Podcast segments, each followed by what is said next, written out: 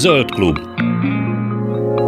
Flóra, fauna, fenntartható fejlődés.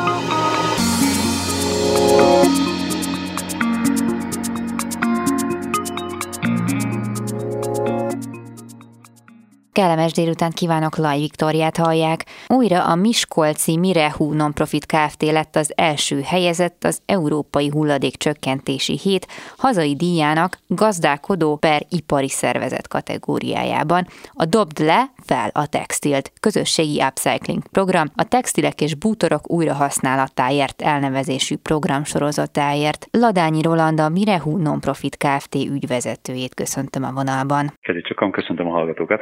Gratulálok a, a díjhoz, ugye ismételten, ugye egy évvel ezelőtt is ö, ö, díjat nyertek ezen a héten. Szerintem kezdjük a KH-tól, tehát a Mirehu egy hulladékgazdálkodással foglalkozó szervezet. Valahol érthető, hogy mi, miért, hogy, hogyan tudnak belekapcsolódni a körforgásos gazdaságba, szemléletbe. Nyilván látják azt a temérdek mennyiségi hulladékot, amit kidobunk, de azért mégis egy picit menjünk ebbe bele, hogy mi adta az indítatást arra, hogy ezt a fenntartható szemléletformálás és egyebeket elkezdjék a, a régióban? Hát pont az, amit tetszett mondani, hogy alapvetően hulladék gazdálkodóként, hulladékkezelőként mi láttuk, hogy mi az, ami beérkezik hozzánk különböző hulladékhármokba, hulladék, és hát azt láttuk, hogy egy nagyon komoly pocséklást hajtunk végre itt lakosként, mivel rengeteg haszonanyag, rengeteg értékes, rengeteg alapanyag vész nagyon sokszor kárba, ami azt mondja, hogy a, a lakos vagy nem megfelelően gyűjt, aminek több oka lehet, mert hogy vagy nem tudja, hogy hogyan kell gyűjteni,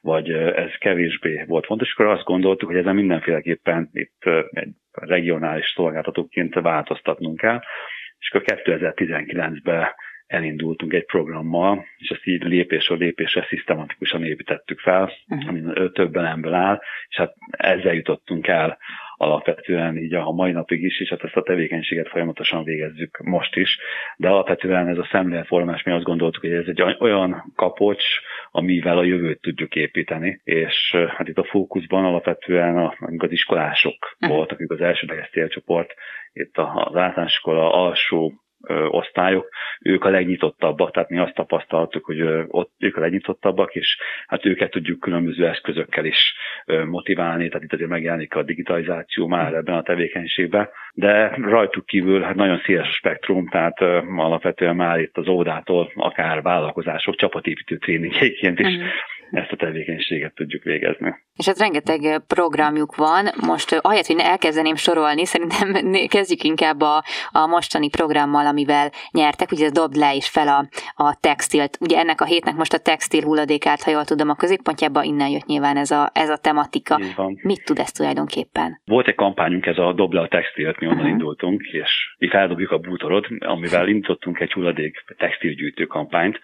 Ez a hulladékcsökkentési hét előtt, mert akkor már ismert volt, hogy a fókusz tavaly évben min lesz az Európai Hulladékcsökkentési Hét keretén belül, és mi azt mondtuk, hogy van egy újrahasználati központunk, ami 2019-től működik már itt Miskolcon, nagyon nagy siker, nagyon nagy aktivitással, tehát itt tényleg nagyon nagy mennyiségben fordulnak meg nálunk termékek, és akkor azt mondtuk, hogy a textil ez nekünk is egy ilyen új dimenziót nyújt, és lépünk egy olyat, hogy az országban elsőként mi leszünk az első olyan újrahasználati központ, aki nem csak egy ilyen adománybolt jelleggel ezt begyűjti és továbbadja, hanem mi felújítjuk a bútorokat, és ehhez tudunk használni akár használt textileket is. És itt volt a kapocs, hogy akkor azt mondtuk, hogy gyűjtjük a textileket, és ezt mi felhasználjuk bútoroknak a, a felújítására, és ebből készítettünk kiállítást.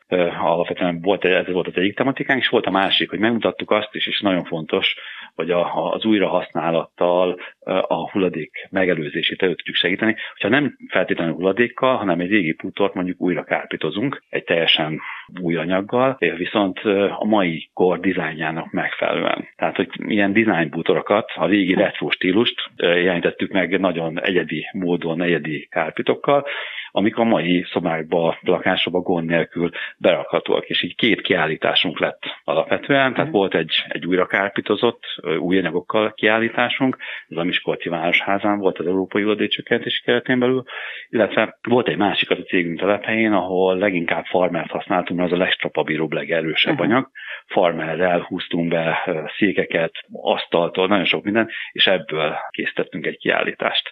Hát ez volt az alapvető kapocs, és hát ehhez kötődően létrehoztunk egy kárpitos műhelyt, ez volt a, az a makuckónk, ahol ezt a, a felújítást végzi egy kollégánk, és hát ott gyártottuk le ezeket a, a felújított bútorokat. A cég dolgozói, vagy ez közösségi gyártás volt, upcycling volt? Saját dolgozóink végezték a felújítást, tehát mi készültünk erre a kiállításra, hogy alapvetően itt ezt meg tudjuk mutatni, mm.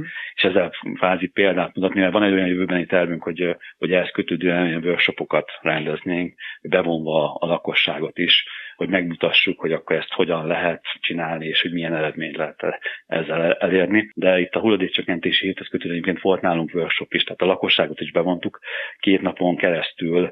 Uh, itt jöttek hozzánk uh, nagy számban várostakok, akik be tudtak regisztrálni, és ponyva, meg mulinó hulladékból ilyen táskavarrás volt. Uh-huh még itt, és akkor abból is itt mindenki táskát tudott magának készíteni. Említette a Makuckót, kárpitos javítóműhely, de, de ha jól tudom, akkor van egy Makusz Space nevű alkotói tér is. Ez micsoda, illetve még egy gyors kérdés, hogy nem vagyok Miskolci, a Maku, ez így mire, mire utal, mit igen, jelent? Ja, igen, alapvetően mi létrehoztunk egy, egy brandet, ami uh-huh. alatt a, a különböző tevékenységeink futnak. Ez a Makuka, ez egy helyi szó, ez a egy Miskolci borsodi, ez a szotyi. Ah. és, és a kuka miatt ennek van egy ilyen áthallása, amire azt mondtuk, hogy akkor mi létrehozzuk a Makuka programot, aminek hát így a logóba is megjelenik a szotyi, tehát hogy ez így uh-huh. felépült, mint egy ilyen brand mindenféle megjelenéssel, és minden elemnél, amit tudunk, alkalmazzuk ezt, és hát ilyen nekünk a, a Makuckó, tehát az is innen jött a, a, a felújító műhely, a Makuspace, ott is maga a, ez az alkotói tér, de uh-huh. mi építettünk, vannak gyerekeknek elektromos kukásautónk, amiket ők vezetnek, oh. azok a makutrakok. Van nálunk egy ilyen nagyon nagy rendezvény minden évben a nyár előtt, az a makukáció. Makukáció. Tehát, hogy, hogy ez így, így van felépítve ez a brand, és a uh-huh. bútoroknál is itt, mi jó. azt mondtuk, hogy hogy mi ezzel egy trendet akarunk létrehozni, uh-huh. kicsit divatot diktálni, és hogy létrehozunk erre is egy, egy a makuka alatti brandet, ez a Maku árt lett, uh-huh. saját logója van, amivel akár ellátjuk ezeket a termékeket is, mert itt volt egy másik lépés is, ez is a hulladékcsökkentéséhez kötődött, hogy mi megszüntettük itt a textiladékok kapcsán az ajándékszatyrokat. Tehát uh-huh. korábban mi is megrendeltük a szép céges papír szatyrokat, és azt mondtuk, hogy akkor ennek itt a vége, és hulladékból, leginkább farmerből ezt is uh-huh. varjuk a saját kvázi ajándék szajtrainkat, és ez is saját logóval, tehát ilyen varható gumicinke van rajta. A táskákon mindegyik egyedi sorszámos, mert hát arra biztatunk mindenkit, hogyha neki nem kell, amit tőlünk ajándékba ad, akkor ezt adja tovább, és használja bárki más is ezt a szajcsot, mert ennek pont ez a célja, hogy több élete. Lehet szemlélni egy papírszatyorral, ami nagyjából két hajlítás követően valahol elkezd szétfoszlani és szétszakadni. De a trendteremtés az úgy gondolom, hogy akkor bejött. Elérték igen, a közönséget. Igen, hát már van kvázi mondhatjuk azt, hogy megrendelésünk Aha, is. De jó. Tehát, hogy, hogy ez a dolog elindult. Nagyon örülünk neki, hát mi nem tudunk sorozatgyártást, hát ez, ez nagyon fontos. Mi azt gondoltuk, hogy azokat a leginkább vállalkozásokat tudjuk megcélozni, ahol egy mondjuk egy titkárság előtt van kettő darab szék, amiből tudunk széket, darabszámot is használatot produkálni.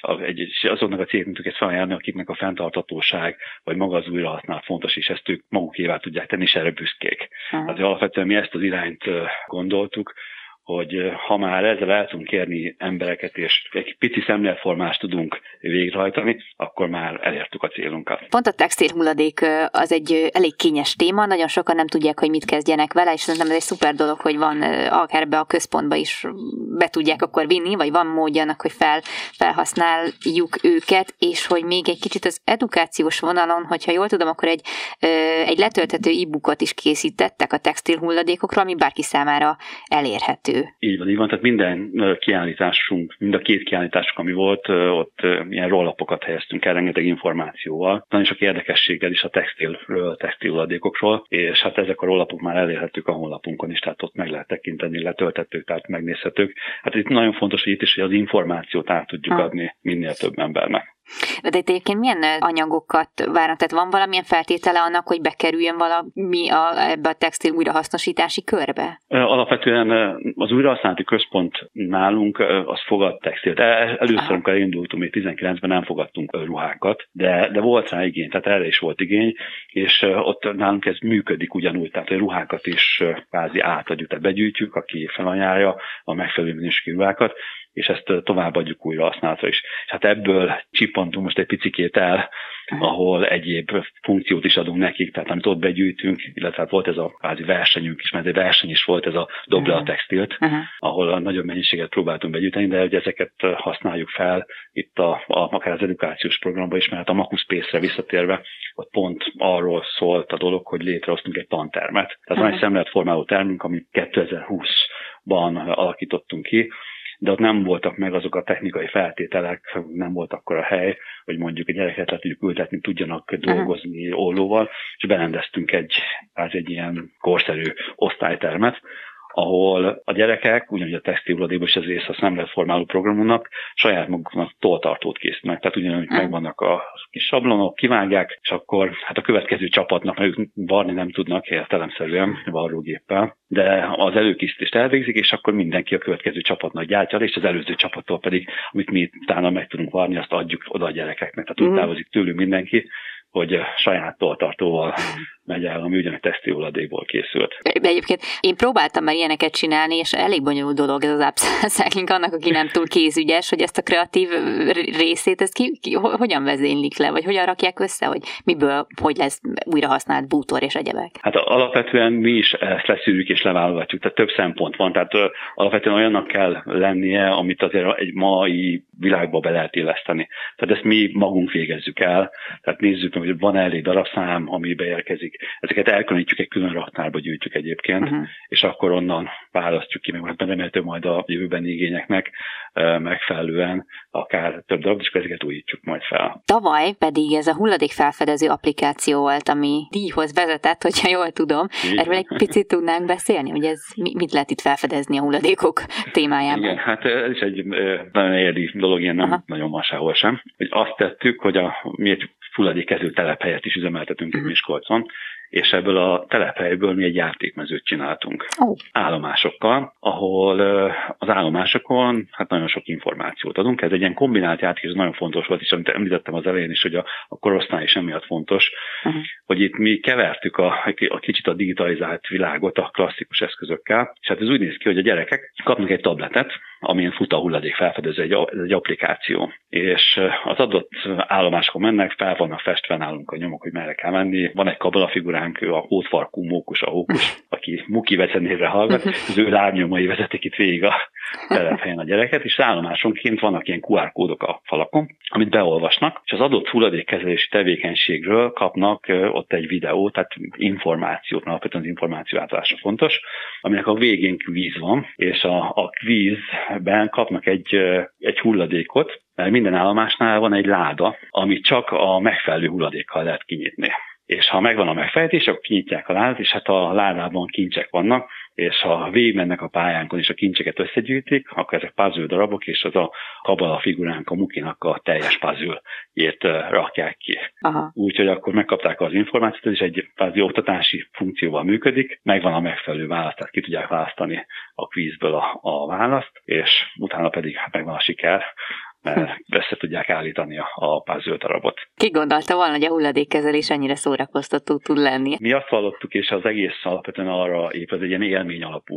Szemléletformálás, ezért vannak az autóink, és nem csak az autót vezetik, tehát nem arról szól, hogy akkor jönnek a gyerekek, és akkor vezetik a kiskukás autót, hanem ez is a szemléletformáló programunk része, hogy ők úgy vezetik, hogy előtte az oktatófilmeinket megnézik, beszélnek a kollégákkal, megfogják a hulladékot, és ha nem megyünk terepre, vannak állomások az udvarainkon, kis kukák, mennek, mint a gyűjtenik a hulladékot, és nekik kell eldönteni, hogy mely hulladékot rakják be a kukás mm, autóba. Uh-huh. Mely ami megfelelő, és melyik, amelyik nem. Mi kéne az egyébként, hogy ez ne csak Miskolcon önöknél valósuljon meg, hanem elterjeszték máshol is? Bízom benne, én nagyon bízom benne, hogy hát próbálunk azért minden sokféle fórumon kommunikálni, hogy minél több mindenkihez eljusson, és minél több céghez eljusson, hogy ezt meg tudják tenni. Mi azért látunk így a szakmán belül már kezdeményezést, és én azt gondolom, hogy és bízom benne, mm. hogy mások is kedvet kapnak hozzá. Nagyon sok munka van benne, mert ez egy csapat.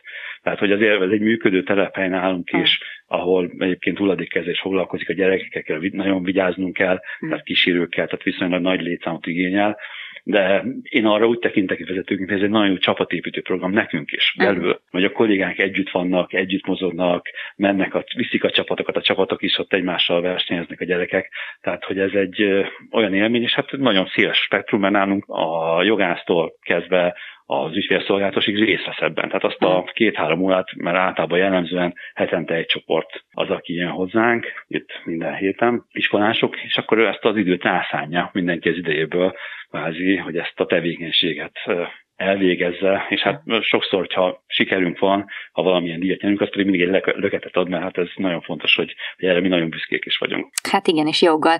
Hát nagyon szépen köszönöm a, a beszélgetést Ladányi Roladnak, a Mirehu Non-Profit Kft. ügyvezetőjének. Mi köszönjük a lehetőséget.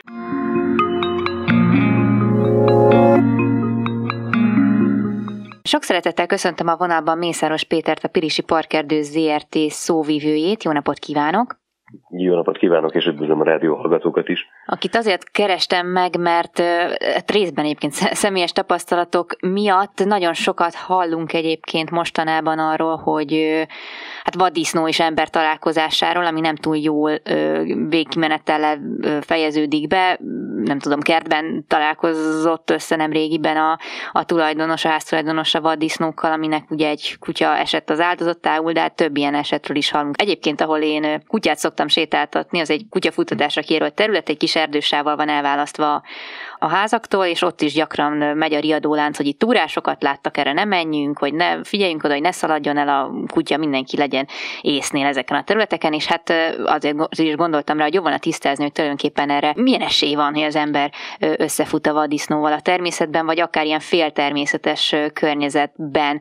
Picit, hogyha tudnánk arról beszélni, hogy igazából milyen életmódot folytatnak ezek az állatok, tehát hogy ők elkerülnek minket, de mi van akkor, hogyha találkozunk, milyen esetekben futhatunk velük velük össze? Nos, hogy azért vaddisznóról tudni kell, hogy alapvetően ő mégis csak egy vadállat, természetes élőhelye az erdő. Ugyanakkor azért mi emberek elég jelentősen átalakítottunk, átalakítottuk itt a körülöttünk lévő természetet, hiszen azt azért látjuk, hogy a városok egyre jobban terjeszkednek az erdő felé, szűnnek meg azok a zárt kertek, azok a régi gyümölcsösök, művelt helyek, ami korábban egyfajta pufferzónaként működött. Azért az is hozzá kell, hogy tegyük, hogy a vaddisznó és az ember egyre inkább együtt él különböző településeken, és ez nem egy új keletű történet, tehát tőlünk nyugatabbra, hogyha megyünk, akár Barcelona, akár hmm. Berlin, más nagyvárosok is küzdenek ezzel a problémával. Egyszerűen arról van szó, hogy a vaddisznó nagyon jól alkalmazkodik ez a megváltozott környezethez, megtalálja itt az életfeltételeit, és emiatt itt marad a közelünkben.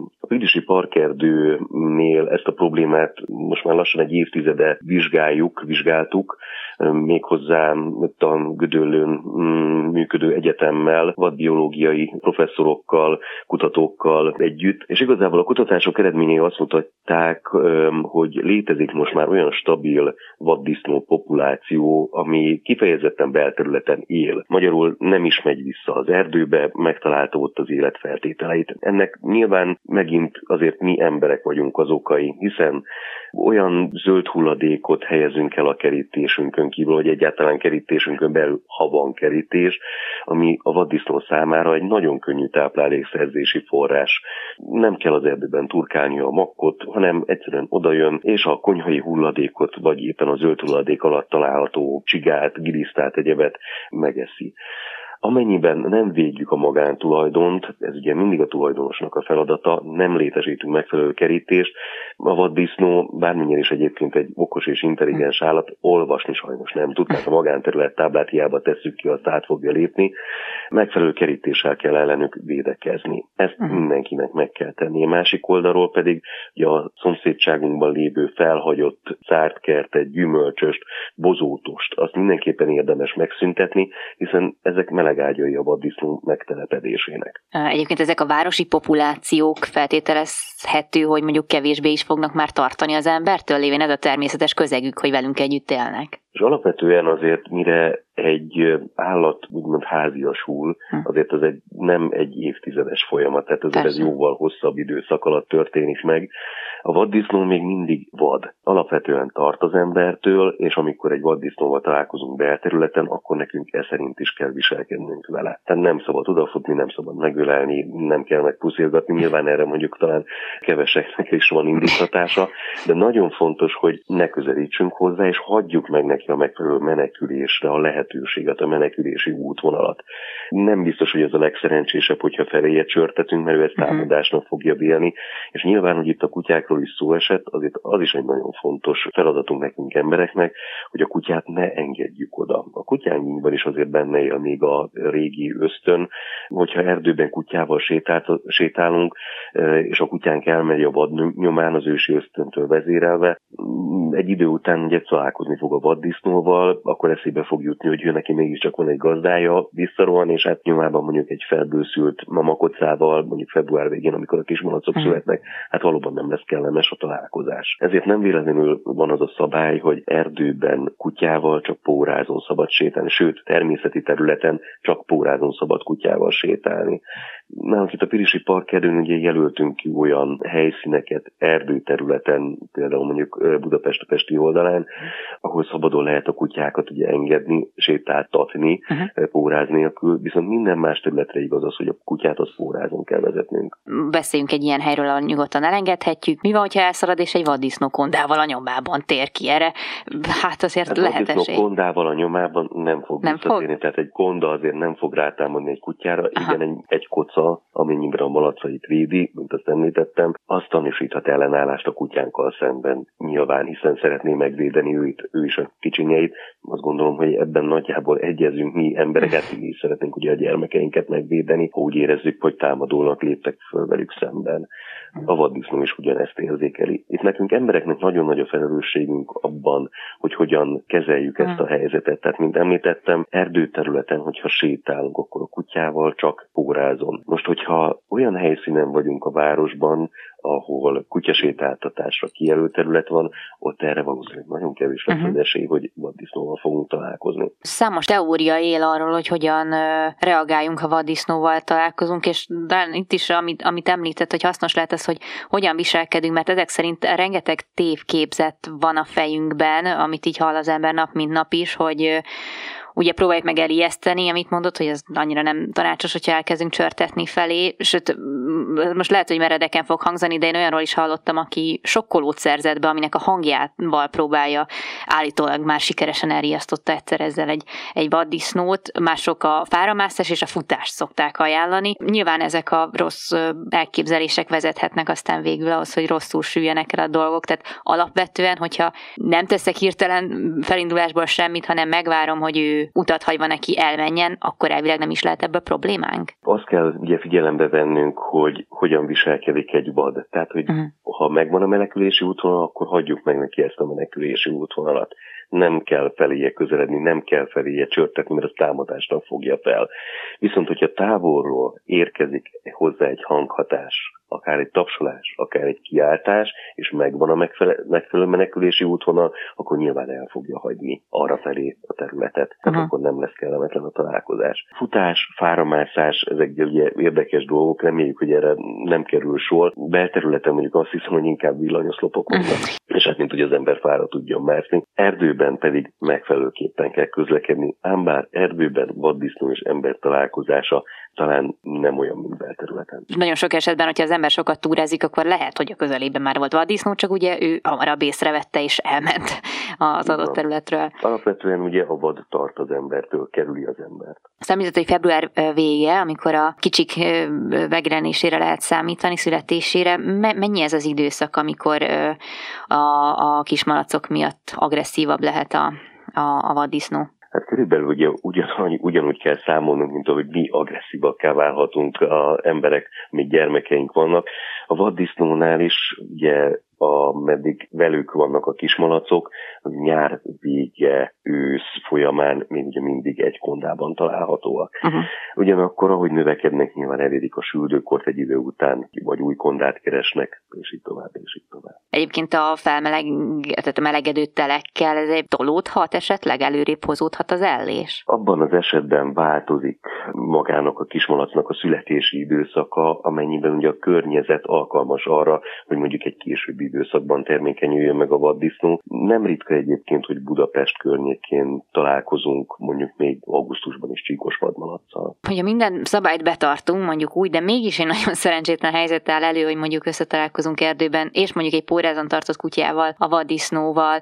Ilyen esetben nem, nem tudom, tényleg csak ilyen vészmegoldásként mi a megfelelő viselkedés a, a kutyával? Tehát, hogy nyilván teljesen kiszámíthatatlan, hogy ő hogyan reagál, mert én hiába hagynám meg neki a menekülési útvonalat, lehet, hogy felbőszíti a, az én felbőszült állatom. Ebben az esetben, hogyha velünk van egy kutya, akkor azt mindenképpen tartsuk ugye magunknál. Mm. Ne közelítsünk felé. Ez, ez esetben lehet, hogy a kutyánk ugatni fog, de a hanghatásra a vaddisznó menekülre és fogja fogni a dolgot. Nem érdemes őket összeengedni, nem érdemes a pórázt elengedni. Nyilván akkor, hogyha már bekövetkezik a támadás, akkor érdemes már a pórázt ugye valahogy úgy tenni, hogy az ember élet ne sérüljön. A problémák akkor történnek, hogyha az ember ezeket a szabályokat nem tartja be. Tehát szabadon mm. engedi a kutyáját, illetve nem hagyja meg a vaddisznónak a megfelelő menekülési távolságot, uh-huh. illetve hogyha nem védi ugye a magánterületet, és hogyha helytelenül kezeli mind a zöld hulladékot, mind a konyhai hulladékot.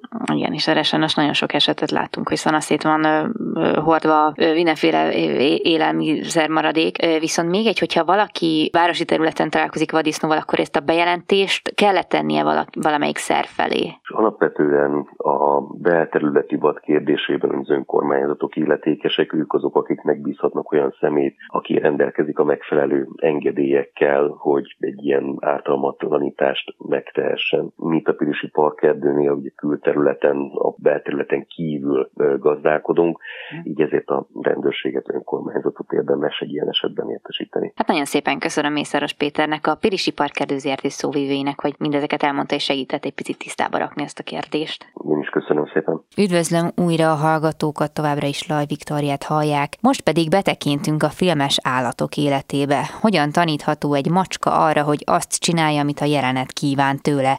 Mitől lesz természetes a kutya viselkedése egy filmben. Halász Árpád lesz az idegenvezetőnk ebben a világban, a Gödöllői Kutyasport Központ vezetője. Halász Árpád kutya kiképzővel, vagy mondhatom mester kutya kiképzővel állok itt Gödöllőn, éppen a cicák és a, a, a kecskék, libák és nyuszik, mondhatom ezt kifutónak, vagy hogy nevezzük ezt, ezt a, ezt a gazdasági udvarnak hívjuk, de ez egyik kifutója a területnek, innen szoktuk kiengedni, meg innen szoktunk tovább menni a tréningekre.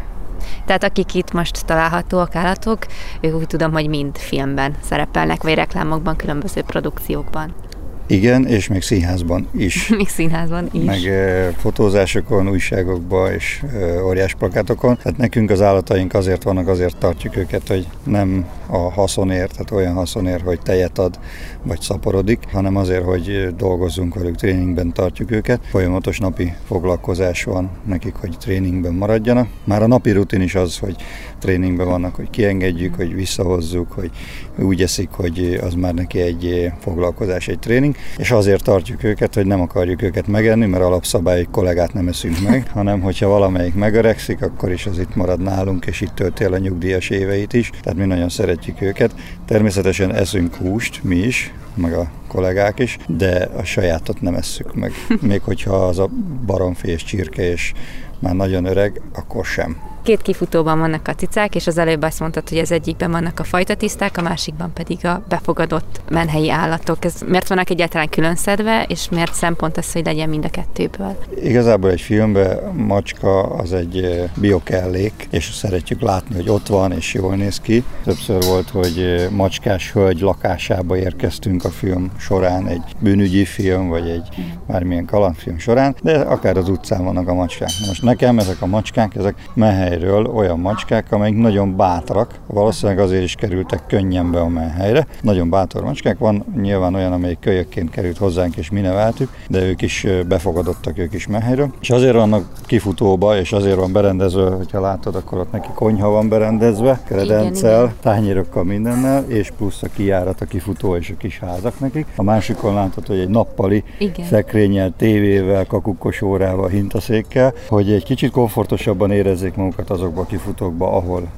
vannak, és hogyha ilyeneket kiengedném csak úgy, szabadjára, akkor félek attól, hogy áldozatul esnek egy autó előtti, hogy elcsavarognak, vagy valaki megfogja és elviszi, vagy netán egy kutya megfogja, mert annyira bátrak. És a macskának a lételeme az, hogy ő féljen a környezetétől, és hogyha valakinek van macska, azt tudja, hogy milyen, amikor megtanít valamit neki a szobába, azt már nem biztos, hogy a konyhába megcsinálja. Uh-huh.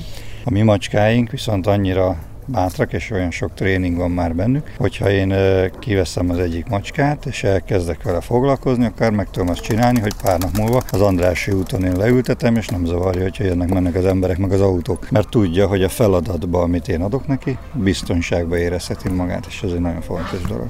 A macska az nálam pont nem az a faj, akinél ezt el tudom képzelni, hogy parancsszóra vagy utasításra, mit tudom én, ül, nyávog, nézel, megy ából B-be, de mégis akkor hogy érik el azt, hogy működjenek? Nagyon sok tanítási metodika van, nagyon sok jó metodika, és az egyik ilyen a klikker képzés hatféle metodikával, és azt meg hogy melyiket mivel keverjük, de mindenképpen pozitívan, mindenképpen sok jutalommal, és sok-sok tréninggel, megszoktatással.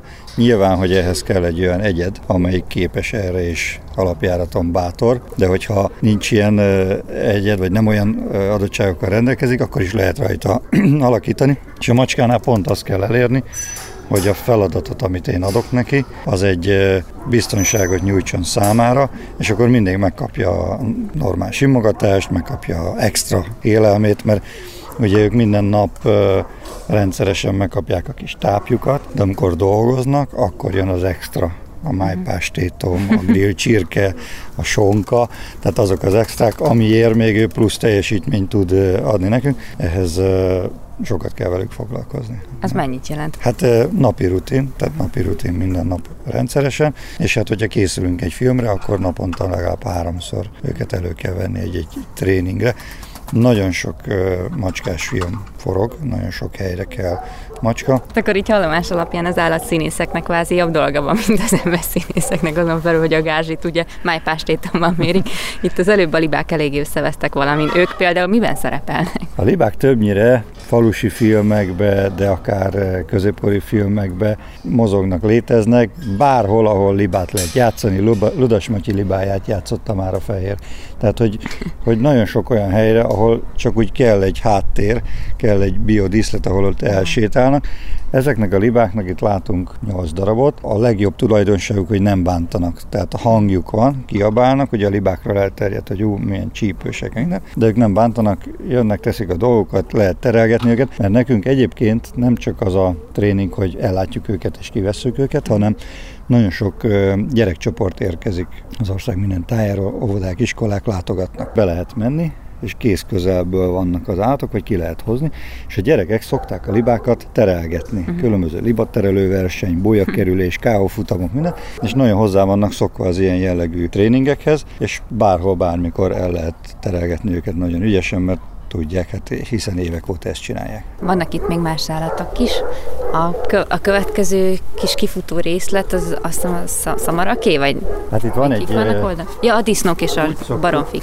Úgy szoktuk hívni, hogy szocializációs folyosó. Pusztán azért, mert hogy a tehénkarám és a csipitér között vagyunk, és a csipitéren vannak a csirke, kacsa, liba, malac állomány, majd a másik oldalon ugye a tehenek laknak, és amikor a kutyaiskolások, a kutyások már eh, haladó szinten vannak, és szeretnék a tanulmányokat tovább folytatni, és azt akarják, hogy az állatai közömbösek legyenek egyéb más állata, akkor ez a szocializációs folyosó, ide szoktuk őket behozni, és hogyha itt is képes figyelni a gazdira, és itt is képes tanulni, akkor jó úton járunk afelé, hogy az utcán sem fog más állatnak nekiugrani. Ezt is hiszem. És hát ugye ez egy olyan elvonó inger, hogy itt most látunk 30 tyukot, egy kakast, 7 darab kacsát, 4 darab libát, és hát a malacka is itt fekszik. Ott henyél ez egy csüngőhasú kis panni malacak is dagi testével ott hempereg. Egyébként inkább külföldi vagy itthoni megkereséseitek vannak? Is-is. Uh-huh. Tehát nagyon sok külföldi filmbe dolgozunk, nagyon sok megkeresésünk van, de az itthoni hazai mozikba is rendszeresen. Igazából mindegy, hogy mi a felkérés, lehet az egy vizsgafilm is, mert ugye akik ezen a szakon végeznek, hogy operatőr, rendező, mi egymás, nekik is szükségük van arra, hogy a vizsgafilmüket elkészítsék. Tehát nem szelektálunk, hogy most kisfilm vagy nagyfilm. A felkérés a fontos, és hogyha van egy felkérés, amiben meg tudjuk oldani, és nem arról szól, hogy az állatot bármilyen baj érje, akkor mi ezt megoldjuk. Uh-huh mert nyilván, hogy az állatvédelmi törvényeket betartva tesszük a dolgunkat, és akkor azt szerint meg is oldjuk ezeket a feladatokat, amit kérnek. Nagyon sokan keresnek. Ugye nekünk a, az egyik ilyen nagy ajándékunk volt az életben a Fehér Isten Mutuca Kornéának a filmje, amivel megmutathattuk a világnak, hogy vajon mi mit tudunk a kutyák terén, és ezáltal nagyon sok felkérésünk van külföldről, mert hát egy etalon lett ez a film, főleg a kutyás jelentek, és ezért jönnek a külföldi filmek és hasonló. Ahol most vagyunk, ez a Boglárkarét, ezt a egyik ö, oktatónknak a kutyusáról neveztük el, aki már nincs köztünk, de egy nagyon jó kis kutyusúr, mindenki nagyon szerette, hogy a hallgatók is kicsit lássák, van rajta egy hatalmas diófa, ami alatt sok-sok kis pad, mint egy erdei iskola, ide szoktak leülni a diákok, amikor van valami foglalkozás vagy előadás. Itt szokott lenni a gyerektábor. A másik oldalon itt egy zöld rét van középen, másik oldalon nádas és nagy fák húzódnak. És hogyha ezen keresztül megyünk, akkor le tudunk menni a tóhoz és a patakhoz.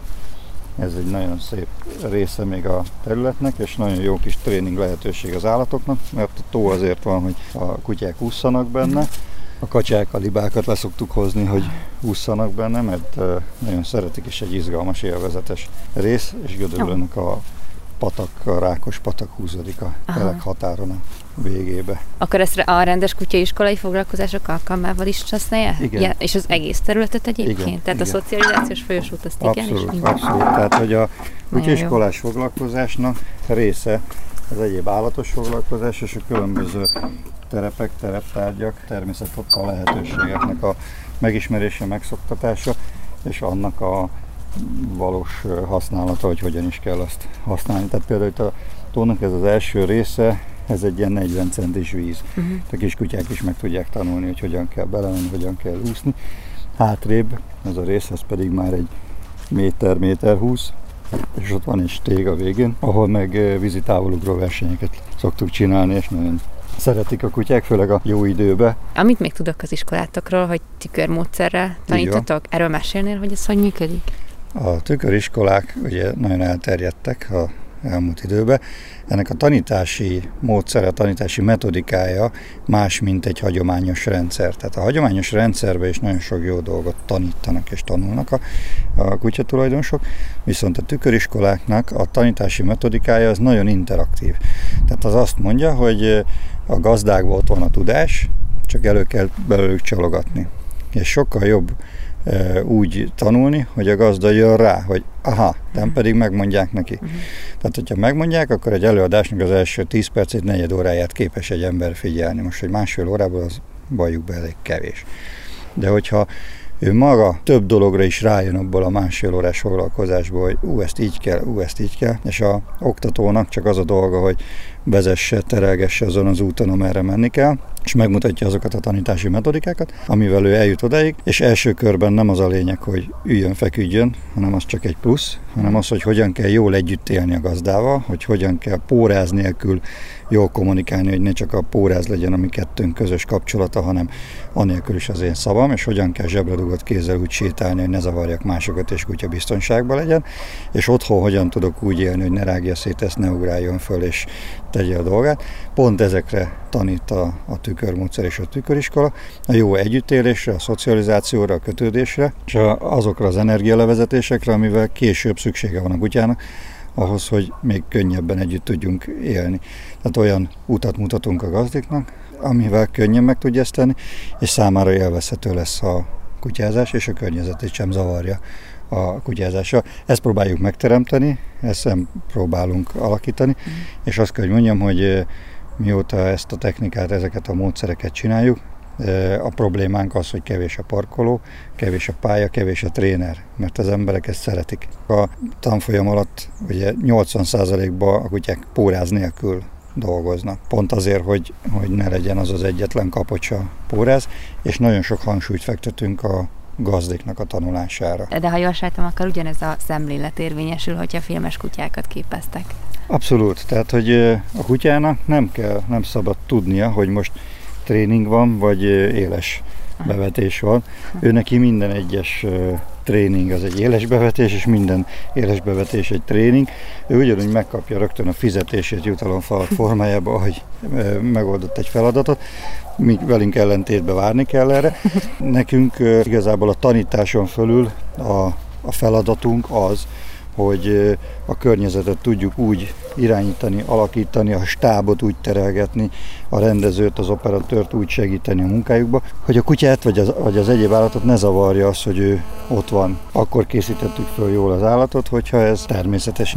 Nem szeretek nagyon állatos filmeket nézni, mert egyszerűen zavar, amikor az állat, az látom, hogy néz ki a kamera mögé, és néz, hogy hol a tréner. Tehát azokat a, a profin megcsinált állatos filmeket, azokat szeretem, ahol ez nem így van, de ahol látom, hogy á, a balra ugat a kutya közben jobbra szalad a betörő, tehát hogy az nem, nem, nem szeretem, nem néz ki jól, hiszen pont az a lényeg egy-egy ilyen forgatáson, hogy azokat a feladatokat, amit mi adunk a, az állatnak, azokat úgy tudják megmutatni, hogy azokból a feladatokból hangulati elemeket közvetít a néző felé. Lehajtja a fejét, akkor szomorú, hogyha bebújik valami alá, akkor látom, hogy fél, csóválja a farkát, örül, érdeklődő, és elfordítja a fejét, és a többi. Tehát, hogy ezekkel a feladatokkal, amit én adok neki, ezekkel olyan természetes viselkedést mutat, amivel tényleg tud mutatni még különböző hangulatokat is, és a néző elhiszi. De nekem ezt úgy kell megoldanom, hogy nézzen is rám, de kövesse az eseményeket, figyeljen a színészre,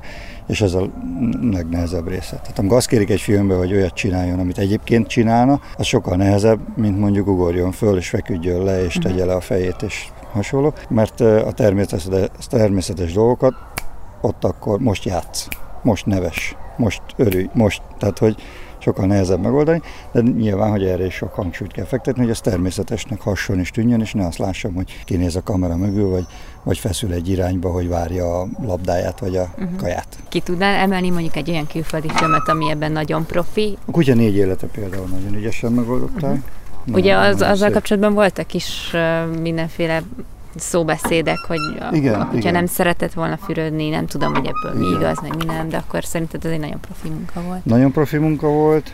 Uh, ami történt, az egy nagyon rossz lejáratása a filmnek, mert egy olyan ember, valaki a stábból tett föl videót, ami egy összevágott anyag. Tudni kell, hogy ezeken a, a filmeken nagyon komoly állatvédelmi szabályok vonatkoznak hogyha az amerikai szervezet, az AHA, hogyha ő nem pecsételi, nem írja alá, hogy a filmben nem történt semmi bajuk az állatoknak, és nem történt átkízás, tehát ezt nem írja alá, akkor ezeket a filmeket nem lehet nagyon sok uh, csatornán eladni, uh-huh. mert hogy nem veszik meg, mert nincs rajta a pecsét. Ahhoz, hogy az AHA aláírja, ahhoz az ő emberüknek ott kell lenni. Végig? Ez, igen. Uh-huh. Tehát ezzel rengeteg pénzt fizetnek ki, hogy oda repüljön, megszálljon, és ott legyen a minden napi forgatáson, és mindent leír, mindent fölír, mindent lefotóz, mindent megnéz. Most ezek a uh, itt dolgozó emberek, ezek többnyire állatorvosok, vagy valamilyen állati dologba dolgoznak, mm. és nagyon elhivatottak. Most ők nem fogják megengedni, hogy bármilyen állatkínzást folytatódjon, és itt Magyarországon, hogyha jön egy A-kategóriás produkció, és egy galambül a párkányon, akkor ott van az állatvédő. Nagyon Tehát ott kell, hogy legyen. Ami jó. Nekünk azért jó kifejezetten, mert nem nekem kell elmagyaráznom a rendezőnek meg a stábnak, hogy én mit szeretnék. Például, hogy a stáb ne egyen bent a díszletbe, mert én élelemmel motiválom az állatot. Tehát ilyen apróságok.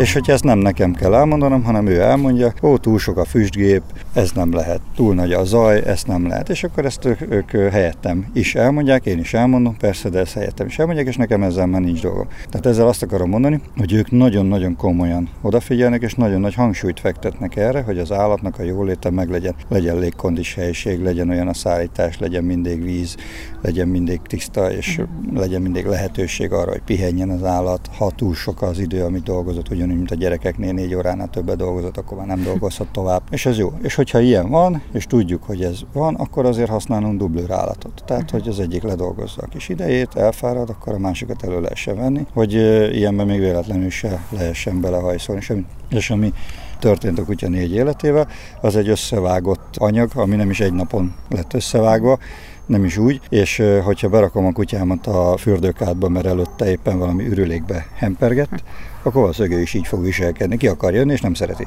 Én viszont szeretném megmosni, mert különben nem engedem be a lakásba. Tehát, hogy nagyjából ennyi történt, a, ami a videón is látszik. Csak hát a hozzá nem értők, azok nagyon sok kárt tudnak ilyenkor okozni hiszen a Fehér Isten, hogyha visszatérhetek, akkor ugye mi a Fehér Istenben 200 kutyával dolgoztunk. Abból olyan 150 menhelyes kutya volt, a többi az a trénerek kutyája. Ez három menhelyről. Na most a, a film után mi ezeket a kutyákat körülbelül másfél-két hónap alatt sikerült nekünk örökbe adni, mert hogy csináltunk nekik egy nagyon jó reklámot, honlapot, és jöttek is az örökbefogadók. A film után pár évvel bementem egy vásárcsarnokba, és egy hölgy ilyen savanyúságokat árult, és mondta, hogy maga, maga a halász Árpád?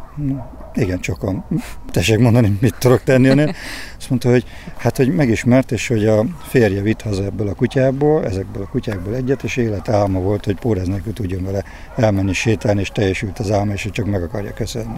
És ez egy olyan komoly visszajelzés, tehát hogyha a film maga nem érte volna el a Cannes sikereket, de ezek a sikerek bőven felérnek azzal. Nem tudom, hogy mennyire vettem le jól, de hogy talán a kihívás része már itt csökkent. Tehát annyit már nem tudsz tanulni, mint amennyi van mögötted, ha érted, hogy miről akarok beszélni. De gondolom, hogy ez nem így kezdődött. Tehát azt hiszem, hogy 99 óta foglalkozol a filmes kutyák képzésével. Igen. Arra lennék igazából kíváncsi, hogy hogy találtál rá erre a műfajra, és hogy mennyi idő után mond mondtad azt, ha egyáltalán mondtad azt, hogy most már én ezt tudom? Ez így nagyon nagy képű lenne, hogyha azt mondanám, hogy tudom. Mindig kérnek újat, és mindig a egyszerű feladat is tud olyan bonyolultá válni, hogy igencsak össze kell szednünk magunkat, hogy megcsináljuk. Nyilván, hogy nagyon sok tapasztalat, nagyon sok rutin, de hogy folyamatosan hozza a változást, az újabb kihívásokat, amit meg kell oldani. Ritkán van az, hogy egyforma a két feladat, mert ha megváltozik a kamera szöge, akkor már nem egy forma, mert nem mindegy, hogy hova állhat a tréner, és honnan tudja irányítani. Nekem leginkább most már az a feladatom, hogy a trénereimet, az oktatókat tanítsam, hogy hogyan kell jól tanítani. Viszont egy nagyon jó csapattal vagyok megáldva, rendkívül jól dolgoznak a fiúk és lányok is. Magunkat képezve, folyamatosan fejlesztve, néha még előjönnek olyan megoldások, amire évek alatt még nem jöttünk rá, hogy hopp, ezt hogyan kéne mondjuk egy galambot úgy irányítani, hogy az kívülről természetesebbnek hasson, és ez egy nagyon komoly és nagyon nehéz feladat. Ahogy én kezdtem, én kutya kiképzéssel kezdtem, kutyaiskolámat, és nem én találtam rá a filmezésre, hanem a filmezés talált én rám. Két irányból kerestek meg. Az egyik a, a Horkai Zoli barátom, aki a farkasokkal, medvékkel foglalkozik, és a filmes iparba ő is az időtájba került be egy pár évvel korábban, és jött egy felkérés, ahol kutya kellett. Ez a Spy Game, a Robert Redford és a Brad pitt és hogy ide kellene valami extrát mutatni, és nekem volt egy tanított Rottweilerem, amivel tudtunk egy olyat mutatni, amit a kaszkadőrökkel megold, egy nagyon látványos elem volt, ami később nem került bele a filmbe, mert a Brad Pitt félte a Rottweilertől. Tehát, hogy, hogy így kezdődött a, a Zoli útján, hogy jöjjek ebbe a a filmbe, és segítsek neki, és megkeresett egy másik berendező cég, és abban az időben még többnyire berendezéshez tartozott az állat. Mm. Elsétál a kutyával, ez egy berendezés, ez egy kellék. Elrepülnek a galambok, ott a csirkék, a berendezés hozzá. És ez a berendező cég, ez nagyon keresett olyan embert, aki ővel ő jól együtt tud dolgozni olyan szinten, hogy, hogy bármikor, bármibe is rugalmasan. És én ezzel a céggel elkezdtem nagyon sokat dolgozni, és a hívott uh, rengeteg helyre, majd egy pár év után, mert mindig kutyával mentem, pár év után kitalálták, hogy hát mi lenne, ha más állattal is. És mondtam, hogy nem akarok. Nekem teljesen jó a kutya, én nagyon szeretem, én nagyon szeretem így a filmezést, hogy csak időnként kell menni, nem állandóan. És akkor elkezdtek nyagatni, de most lepke kellene. De mondom, nem akarok, de hogy mégis. De, és akkor ment a húzavona, és akkor végül mennyi lepke? Hát egy 30 darab lepke. És akkor vettem egy lepkehálót, és ide a kutyaiskola mögött területre kimentem, és megpróbáltam összeszedni lepkéket, és rájöttem, hogy egy óra alatt tudtam négyet összeszedni, ez elég kevés lesz a 30-hoz, és sok idő elmegy rá, és egy barátomnak a gyerekei az időtájt, meg a, annak a unokatestvéreit nyaraltak, és vettem mindegyiknek egy lepkehálót, és mondtam, hogy 100 forintot adok egy lepkéért. Most egy délután 80 darab lepkém lett,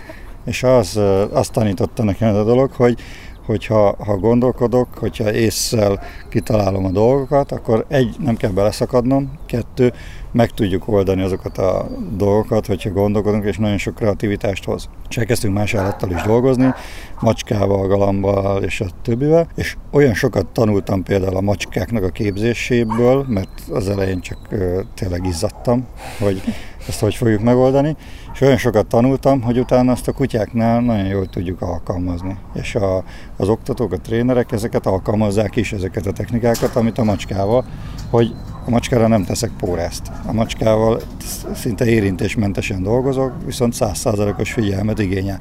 Ugyanezt kívánja a kutya is. És akkor oda-vissza a két tanulás az végül is működött és, és összeállt, hogy az állatokon, amit tanultunk, a kutyákon, amit tanultunk, azt hogy lehet egy metodikává formálni, gyúrni. Ebből lett a mostani jelenlegi állapot. És dolgozunk a mai napig is rendszeresen, nagyon sokat azon, hogy az újabb kihívásoknak megfeleljünk. Sokat kell tanulni.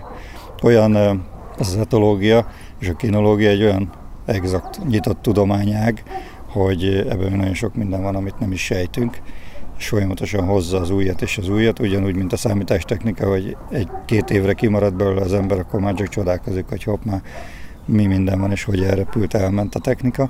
Ugyanúgy van ezzel is, hogy aki nem követi ezeket a metodikákat, és nem figyel oda, amellett így hús elmegy az egész. Tehát figyelni kell, követni kell, tanulni kell, és egyre jobb és újabb, újabb olyan tanítási technikák jönnek be, amit igyekszünk mi is begyűjteni, és lehet, hogy pont a fiatalok jönnek rá arra, sőt, tehát miért ne, mert hajlamosak vagyunk bele kényelmesedni egy-egy, egy-egy bevált technikába, viszont lehet, hogy van egy sokkal jobb, egy sokkal könnyebb út. Köszönöm szépen. Én Halász Árpád kutyakiképző, a Gödöllői Kutyasportközpont vezetője volt a vendégünk. Önöknek pedig köszönöm a figyelmüket, további kellemes rádióhallgatást kívánok, Laj Viktoriát hallották. Viszont hallásra!